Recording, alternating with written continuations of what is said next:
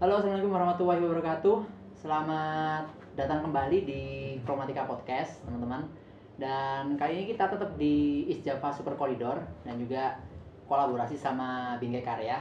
Dan kali ini, kalau kemarin kita udah ngobrol sama Ervan, tapi kali ini akan datang tamu istimewa ya, salah seorang eh, bintang tamu lah ya dari Chromatica yang profesinya atau pekerjaannya adalah seorang arsitek. Nah, nanti kita akan kenalan dengan Mas Agus. Nah, Mas Agus siapa Mas? Nama lengkapnya Mas? Agus Sulistyo. Ya. Agus Sulistyo. Asli Asli Malang. Malang ya. Jadi Malang coret tapi. Oh, Malang Coret. Malang. Coret artinya Kabupaten Malang ya. Iya. Dan sudah gabung di Chromatica, kita lagi ngerjakan beberapa proyek Mas ya. ya, Dan betul. Kalau boleh tahu, Mas Agus lulusan mana Mas? Arsiteknya Mas? Eh, saya lulusan arsitektur UB. UB. Angkatan 2011, lulusnya eh, 2016. Agak telat dikit sih. Agak telat ya dikit lah ya. Iya, biasa itu kalau arsitek. Iya. Anak arsitek telat-telat gitu. Oh gitu. Iya. Jadi yang eh, cepat lulusnya itu malah yang mungkin ini ya nggak biasa ya. Iya, harus dipertanyakan biasanya. Pertanyakan biasanya, biasanya ya gitu lah. Tapi kalau yang lama lulusnya biasanya eh, kualitasnya lebih bagus lah. Ibarat matang itu matang matang beneran gitu ya. Iya, iya. Bisa, bisa, bisa. Gitu Mas Agus ya. Dan lagi ngerjakan proyek apa Mas yang lagi dikerjakan? Ah, ini lagi ngerjain di Madiun yang eh, apa itu Royal apa? Orchid Palace ya. Orchid Palace, ya Orchid betul. Palace. Mm, Orchid Palace Palace. eh, 80 unit kalau nggak salah ya. Ya betul. 80 unit dan tipenya dikerjakan dalam tipe apa? Tipenya ada tiga tipe. Oh, saya kira dalam tipe secepat-cepatnya. Wah, ya? kalau itu sih sudah biasa. Udah biasa. tipe apa aja, Mas? Tipenya luasan ya. Kalau Ya. luasannya kemarin luas 36 eh berapa kemarin? 36 57 sama 75. Oke, gitu ya. Nanti kita juga akan discuss apa itu tipe 36, 75 dan lain sebagainya. Ya. Karena betul. saya sebagai apa namanya orang awam juga kurang tahu itu ya tipe-tipe dari mana asalnya. Nanti mungkin Mas Agus bisa cerita gitu ya. Iya, iya. Dan sebelum kita masuk ke sana, kita akan tanya dulu Mas Agus. Mas, Mm. arsitek itu ngapain? Arsitek kalau orang yang tahu paling arsitek itu yang meng- menggambar gitu ya. Menggambar. Iya. Menggambar. Padahal padahal kan kalau kita bicara masalah arsitek uh, khususnya arsitektur itu kan luas sekali. Hmm. Nah, arsitek itu adalah sebuah profesi di mana eh, profesinya itu dalam lingkup merancang, Merancang merancang bangunan gitu. bangunan ya. Bangunan, tata ruang, masa dan lain-lain itu. Oke, jadi yang ditata itu sebenarnya nggak hanya bangunan ya. Iya, jadi kita itu bicara mulai dari makro sampai mikro. Istilahnya dari eh, luar bangunan sampai ke dalam bangunan. Sampai Contohnya gimana tuh mas? Misal kita bicara masa eh, kalau rumah tinggal kita bicara mulai eh, bentuk rumahnya kayak gimana. Oke. Kalau dari luar ya Ya. eh, bentuk rumahnya kayak gimana. Terus kalau dari dalam tata ruangnya gimana. Hmm. Orang mau masuk itu mau lewat ruang Lewat tamu mana? dulu dulu, Oh, ruang tamu dulu atau tank. lewat ya bisa lewat dapur dan lain-lain gitu loh. Oh, iya. Jadi kita itu eh, di sini tuh kayak menata gitu sesuai Iya. dengan eh, impiannya klien kayak gimana gitu. Oke, jadi menata sesuai dengan impian klien. Iya. Tapi seorang arsitek sebenarnya udah punya pakem kan ya? Kalau tata ruang yang baik itu kayak gimana tuh udah udah punya pakem Eh, ya?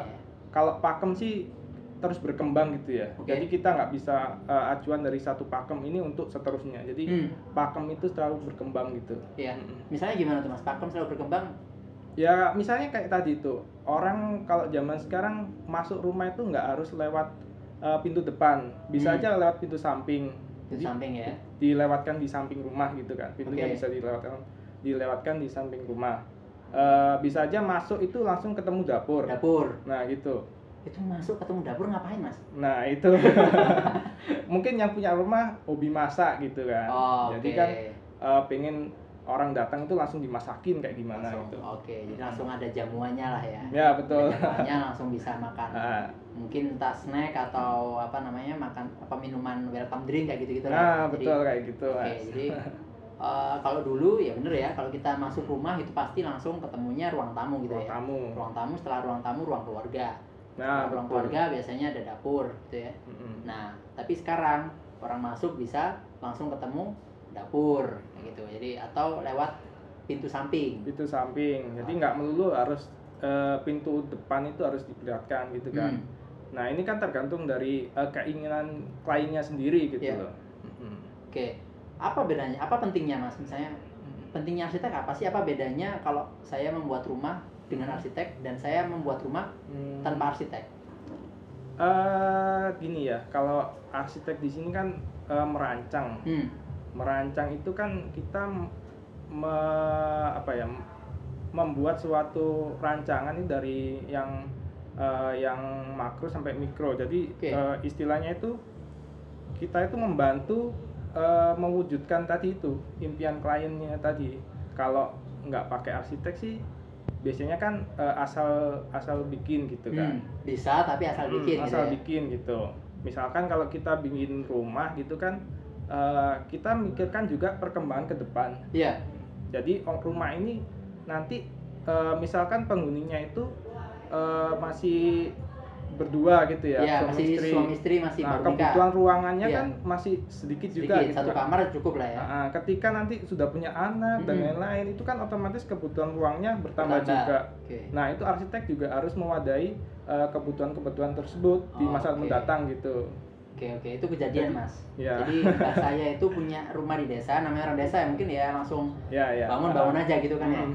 Anaknya bener sih anaknya pertama masih oke. Mm. Anak kedua udah mulai mikir, anak ketiga dapur dibongkar. Wah. anak keempat ya belakang ditambahin gitu ya. Hmm. Sampai anak kelima itu udah mentok Iya. tanahnya orang jadi nggak bisa akhirnya uh, maksimalkan satu kamar dua orang. Tapi itu karena tidak memakai jasa arsitek gitu ya. Tapi kalau. Bisa arsitek sebenarnya ya. Bisa nanti di awal mungkin planning dulu kayak gitu mungkin ya, Ya, discuss betul. planning dulu eh, mau anak berapa gitu mungkin ya pertanyaan apa sih mas pertanyaan apa sih yang biasa diajukan sama arsitek itu Eh, yang menghuni berapa orang gitu. oke yang menghuni berapa orang Hmm. gitu terus Terus eh, biasanya ngapain aja kalau di rumah Oh. aktivitasnya gitu. ngapain aja Iya. dijabarin secara detail atau Kita harus menggali informasi sedetail mungkin gitu. oke Kebiasaannya apa kalau di rumah? Oh, Misalnya orang datang eh, naruh sepatu gitu Iya. kan. Langsung ditaruh di di depan rumah atau Hmm. di mana. Berarti kan kita harus mewadahi di situ ada suatu tempat rak sepatu. oke Nah, kayak gitu. Terus eh, misalkan eh, kalau kita mau bawa kerjaan di eh, dari kantor ke rumah, Iya. otomatis kan kita butuh suatu ruang ruang kerja Ruang kayak kerja, gitu. Ya oke. semacam kayak gitulah. Jadi kita harus Oke. eh, menggali informasi dari klien itu sedetail mungkin. jadi arsitek itu nggak hanya dia ya udah kalau gitu ini desain rumah yang yang biasanya udah dibuat Hmm. lalu ya udah pak luasan tanah berapa terus diaplikasikan di situ enggak ya ternyata Enggak, enggak. discuss dulu ngobrol dulu seperti Iya. ini untuk tahu kebutuhan si kliennya apa. Hmm, Gitu Ibaratnya kita kayak pacaran dulu lah sama PDKT dulu sama Oke. klien gitu. ya. oh itu bukan bahas masalah ini kan ya itu mungkin lain-lainnya. ya bahas masalah ininya apa Ya, namanya siap, itu siap. dan lain-lain. Oke tapi kalau gitu butuh Hmm. PDKT dulu menggali PDKT, menggali ininya ya Mm-mm. kebutuhan dan juga kebiasaan apa yang dilakukan oleh kliennya. Jadi kalau memang kliennya ternyata kayak tadi hobi masak, Mm-mm. Mungkin bisa jadi dapurnya lebih besar daripada ruang tamunya atau Ya, ruang keluarganya gitu kan. Ah. kesibukannya lebih banyak di dapur nih gitu mas ya. Kalau suka tidur mungkin ruang kamar tidurnya lebih gede daripada eh, dapurnya kayak gitu ya. Karena pakai ini aja apa online aja maksudnya. Jadi dia ini jadi Iya, di iya. dalam kamar tidurnya langsung ada dapur eh apa ruang makan. Oke eh, setelah kita tahu nih klien butuh apa apa yang dilakukan mas oleh arsitek? Kita mencoba bikin program ruangnya. Jadi program ruangnya eh, besarannya berapa terus eh, nanti isinya apa aja gitu Hmm. kita pikirkan di situ ya baru itu namanya kita bikin konsep konsep desain gitu ya setelah konsep desain disetujui baru kita bikin eh, pra desain Iya. kayak misalnya dena tampak potongan kayak gitu gitu Oke. 3D dan lain-lain Oke, eh, kalau begitu sebenarnya arsitek itu juga memikirkan furniture apa aja yang harus ada di rumah itu ya?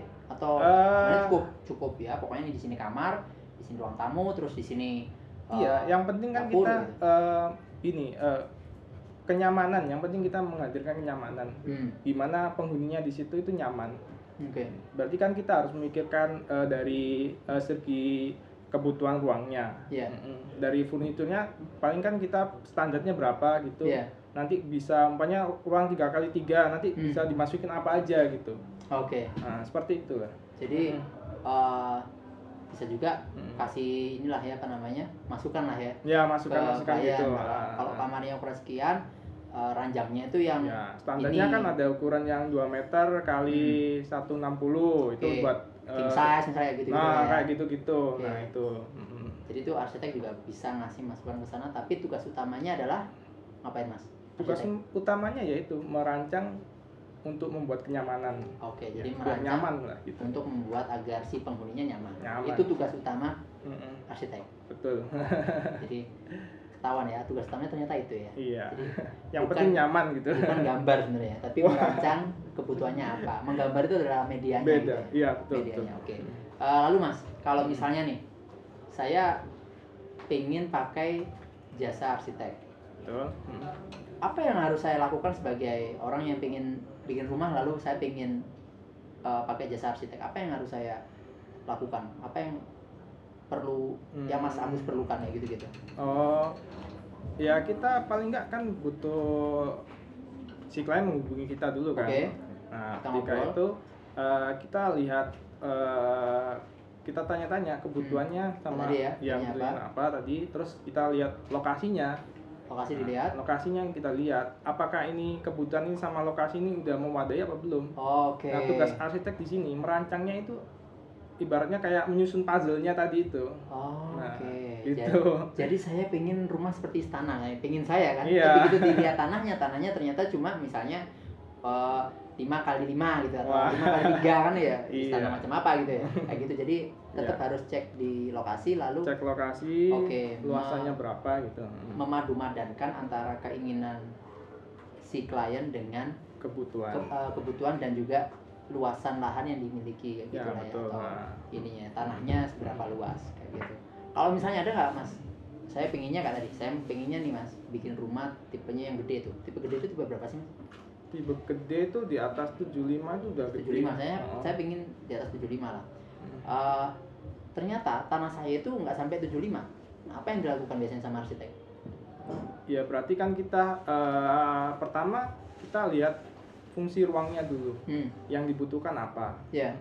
Misalkan ada ruang yang eh, bisa dimanfaatkan secara bersamaan. Hmm. Misalnya kayak sekarang kan ruang tamu hampir ditinggalkan gitu kan. Apalagi eh, musim pandemi gini kan. Ya. Kita kan nggak nggak sering nerima tamu. Ya nah ruang tamu bisa digantikan dengan ruang keluarga kayak gitu. Oh, oke. jadi kita mencoba eh, memfleksibelkan ruangan tersebut gitu loh. Oke. Jadi jadi nggak ada tumpuk-tumpuk ruangan gitu yang nggak nggak terpakai dan lain-lain gitu. Oke. Jadi tetap harus ya arsitek mikirin keinginan terus ngelihat situasi ya betul. kondisi realnya ya. Iya. Kalau memang ya nggak bisa pak mau ukuran di atas 75 tapi tanahnya nggak nggak sampai 75 artinya tetap Eh, harus ya bisa nanti ditinggikan aja gitu. Oh tetap. Hmm. oke. Dibuat beberapa lantai ke atas kan juga bisa gitu. Oke Nah, jadi tetap kasih alternatif eh, alternatif. Tumbuhnya ke atas ya Tumbuhnya bukan ke tumbuh atas. samping ya. Jangan itu. Nggak apa-apa tumbuh ke samping kan. Sehat itu. Oke eh, lalu saya sudah menghubungi kita udah ngobrol. Nah setelah itu ini masalah paling penting nih mas. Hmm. Eh, saya harus membayar berapa? Nah ada standarnya nggak sih teman-teman arsitek ini? Atau atau sukarela aja atau gimana? Kalau standarnya sih eh, ada. Sebenarnya ada juga badan yang eh, menstandarisasi tentang ini apa jasa arsitek. Oke. namanya IAI nanti di situ nanti ada prosentase nilai berdasarkan eh, rencana anggaran biayanya gitu. Oh nanti ada kategori-kategorinya sendiri kayak rumah tinggal perkantoran peribadatan itu ada prosentase sendiri gitu. Oh sebenarnya sudah ada standarisasi eh, inilah ya fee-nya lah ya. Fee-nya fee ada. untuk Ah. perumahan dan fee untuk tempat ibadah itu beda. Beda gitu. Oke, jadi kalau saya ingin bikin tempat tinggal, maka keluarlah fee-nya yang sekian kayak gitu ya. Ya, Nah, ada juga pakai yang per meter persegi tapi nanti jatuhnya juga sama gitu Oke, kita misalnya angka nih mas. Hmm. Eh, setelah kita buat RAB-nya itu, Hmm. misalnya RAB-nya jatuhlah misalnya misalnya 300 juta. Mm-mm. Nah, jasa fee arsitek rata-rata ambil berapa persen kalau kita pakai persentase? Eh, biasanya sih dua setengah sampai lima persen gitu Dua setengah sampai lima persen dari RAB RAB. Mm-mm. Oke, jadi sekitar ya ya segitulah 300 kali 5 lah ya, jadi 15 juta gitu ya. ya sekian lah Sekian lah ya. Ah, Jadi antara tujuh setengah sampai 15 jutaan.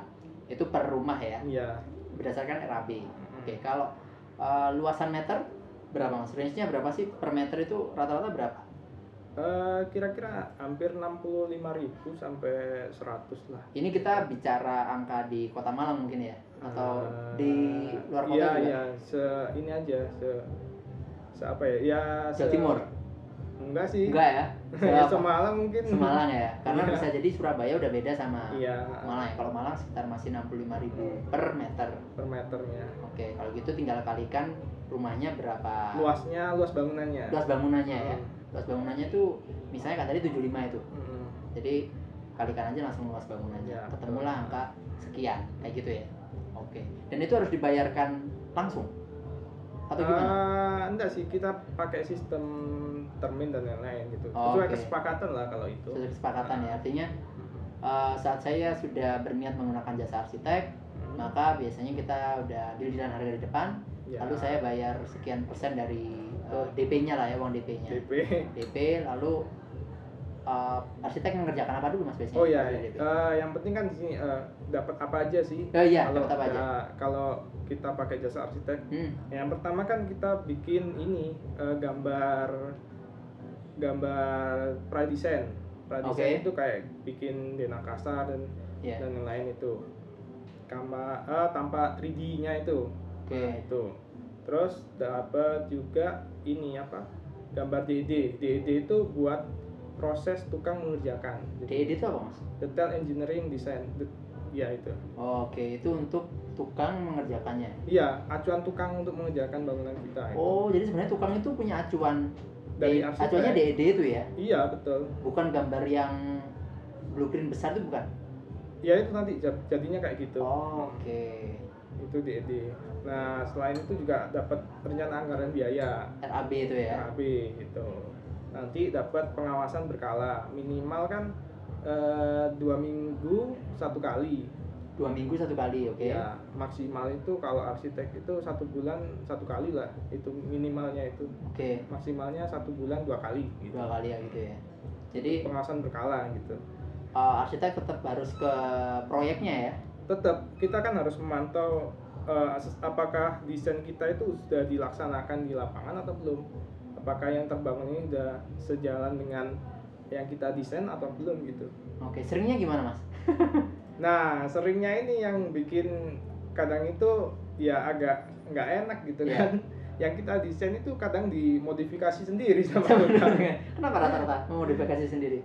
ya mungkin eh, karena ketidaktahuan bisa Oke. eh, karena pengen budgetnya lebih murah lagi Oh, gitu. karena kerjanya borongan gitulah ya. Jadi Borong, ya. oh, udah kita kurangin di sini atau kita ini di sini Ya, akhirnya biar lebih murah kayak gitu. Oke. jadi eh, bentukannya itu kadang-kadang ya itu ada yang nggak ada yang nggak sesuai gitu Oh, Oke.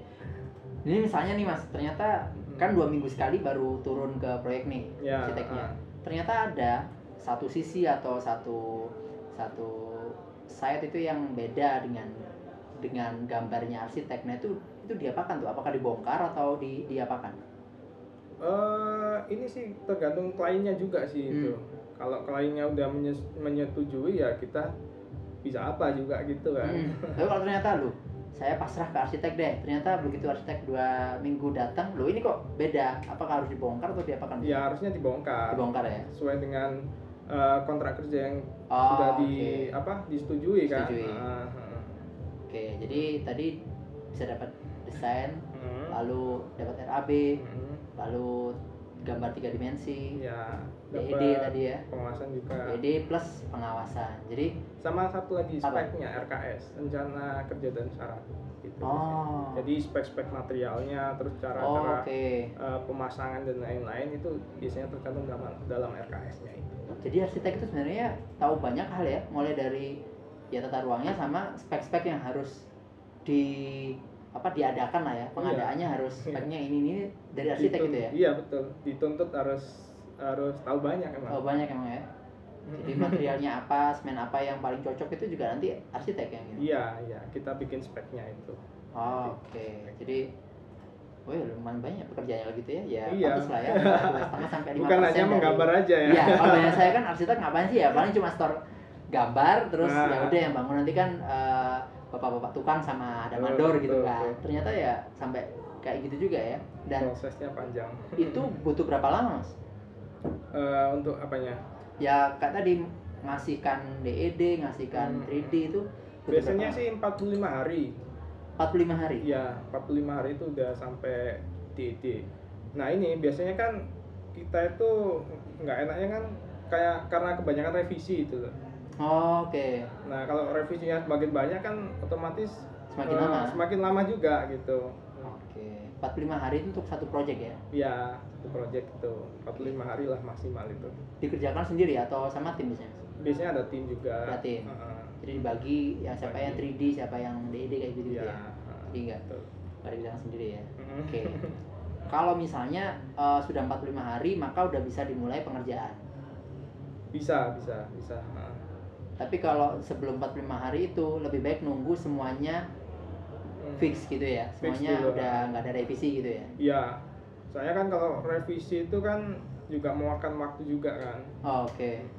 Karena revisi nggak cuma satu garis yang diubah ya. Nah itu Kadang kalau ada satu garis yang lain juga berubah ya garisnya. merubah dinding aja kan merubah semuanya, mulai dari struktur bawahnya. Misalkan Ah, oke. mau geser dinding ini ya, dinding Iya. belakang ini mau digeser, otomatis Iya. kan di bawahnya kan ada pondasi, Mm. terus di atasnya kalau di lantai dua ada pembalokannya, Oke. itu kan harus digeser semua gitu. Apalagi kalau di bangunan tinggi ada sistem-sistem mekanikal elektrikal juga gitu. Oke. Jadi pengaruhnya sangat banyak gitu. Jadi geser satu meter aja itu udah udah banyak banget pengaruhnya ya. banyak banget bener. Nah, Oke. Saya nggak pernah kepikiran. Saya geser geser aja satu meter. kan di dalamnya nggak tahu apa Iya, iya, isinya iya. gitu. Kekuatan bangunan juga berpengaruh nanti kalau misalnya digeser ke apa ke arah mana gitu bisa jadi nanti kekuatannya berubah gitu mas ya. Betul. Oke menarik. Lalu kalau misalnya nih mas, eh, saya udah hire jasa arsitek 45 hari sudah jadi gambarnya, lalu pengerjaan arsitek mengawasi. Nah kontrak pengawasinya itu sampai berapa lama mas? Eh, ini sampai biasanya kan sampai proyeknya selesai. Sampai benar-benar selesai kalau gitu ya? Iya. heeh. Tapi kan berkala tadi, Iya. nggak setiap hari stay di situ. Iya. Itu nanti ada tim sendiri, malah dari kontraktornya itu. Oh, pengawasan. oke. Untuk pengawas. Jadi sebenarnya arsitek hanya apa namanya komunikasi dengan pengawasnya ya. Iya, iya. Pengawasnya, pengawasnya nanti yang tiap hari akan ngawasin progres day to day-nya Iya. dari project. Sampai selesai semua. Betul. Ada ini nggak sih mas? Ada apa namanya?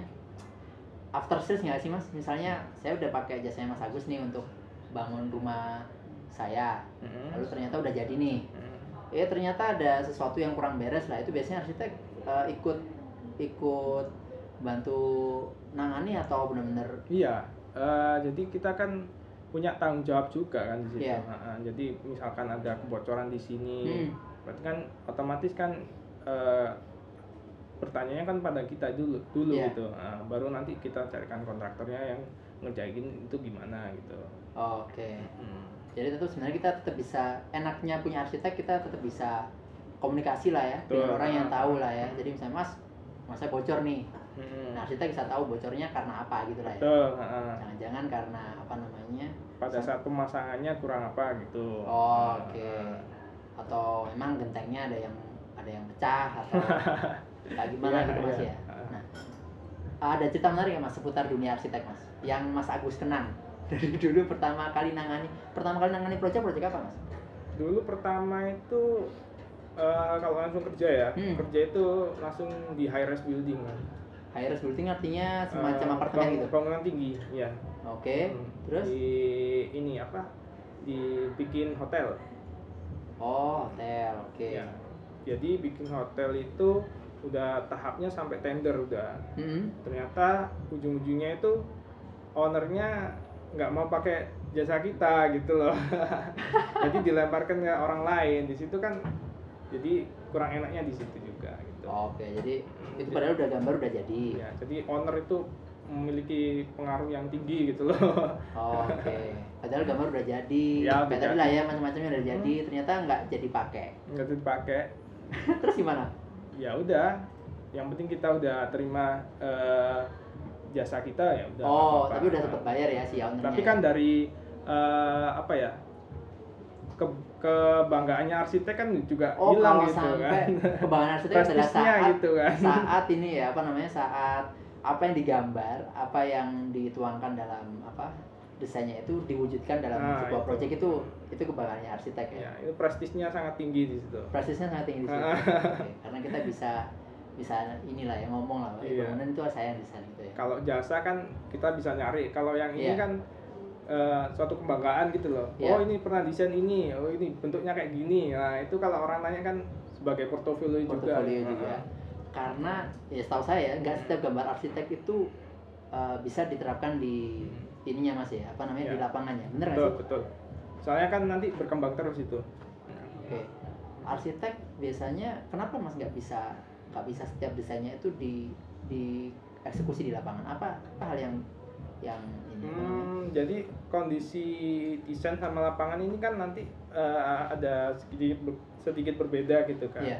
Eh, ada butuh penyesuaian penyesuaian. Oke. Misalkan eh, kayak masalah-masalah di lapangan itu lebih kompleks gitu loh. Oke Jadi nggak kita nggak bisa kita prediksi dari Oh, awal oke. gitu. Seperti itu. Jadi otomatis eh, si arsitek ini tetap mengkawal mengkawal proyeknya tersebut dengan memberikan solusi-solusi tersebut gitu. Oke. Jadi eh, desainnya itu nggak nggak harus saklek gini gitu, Oh, tapi tetap oke. tetap berkembang gitu loh. ya ya ya jadi tetap menyesuaikan sama Nah. kondisi di lapangannya ya Iya. kalau kita emang pinginnya tujuh lantai tapi ternyata nggak bisa tujuh lantai Hmm. ya akhirnya ya mm, di bawah tujuh lantai tapi pokoknya tetap Ya. dikerjakan dengan baik kayak gitulah ya Betul, betul. oke Eh, apalagi mas yang pengalaman yang menarik di dunia arsitek tadi kan ya udah udah gambar udah Hmm. ngeluarin effort ternyata eh nggak jadi dibuat hotelnya terus ada lagi nggak Kalau eh, yang menarik sih ini yang rumah kayak rumah gitu. kenapa mas rumahnya Rumah kalau udah terbangun terus eh, pemiliknya itu seneng gitu, Hmm? tinggalnya merasa nyaman itu ya itu juga kebanggaan gitu loh, kesenangan tersendiri dari arsitek gitu loh. Eh, rumah pernah desain rumah seseorang lalu Ya. dibangun dan si pemiliknya Seneng tinggal di Seneng situ tinggal di gitu. situ. Heeh. eh, ngomong ke Mas Agus Mas Mas Ya. ini, ini enak banget kayak gitulah ya. Ya, gitu. Dari sisi pencahayaan biasanya ruangannya semuanya terang gitu, terus Oke. dapat pengawalan alami gitu. Oke. Jadi kan kita juga senang gitu. Iya. Oke. Berapa rumah Mas yang sudah digambar? Kalau digambar udah nggak Oh, hitung ya. Tapi emang nggak semuanya di apa namanya? Terwujudkan, ya. Diwujudkan ya. Ah. Karena ada yang memang kayak tadi lah ya, ownernya ternyata tengah jalan eh pinginnya model yang lain atau pingin eh, apa namanya digambar oleh arsitek lain kayak gitu ya. Betul. Oke.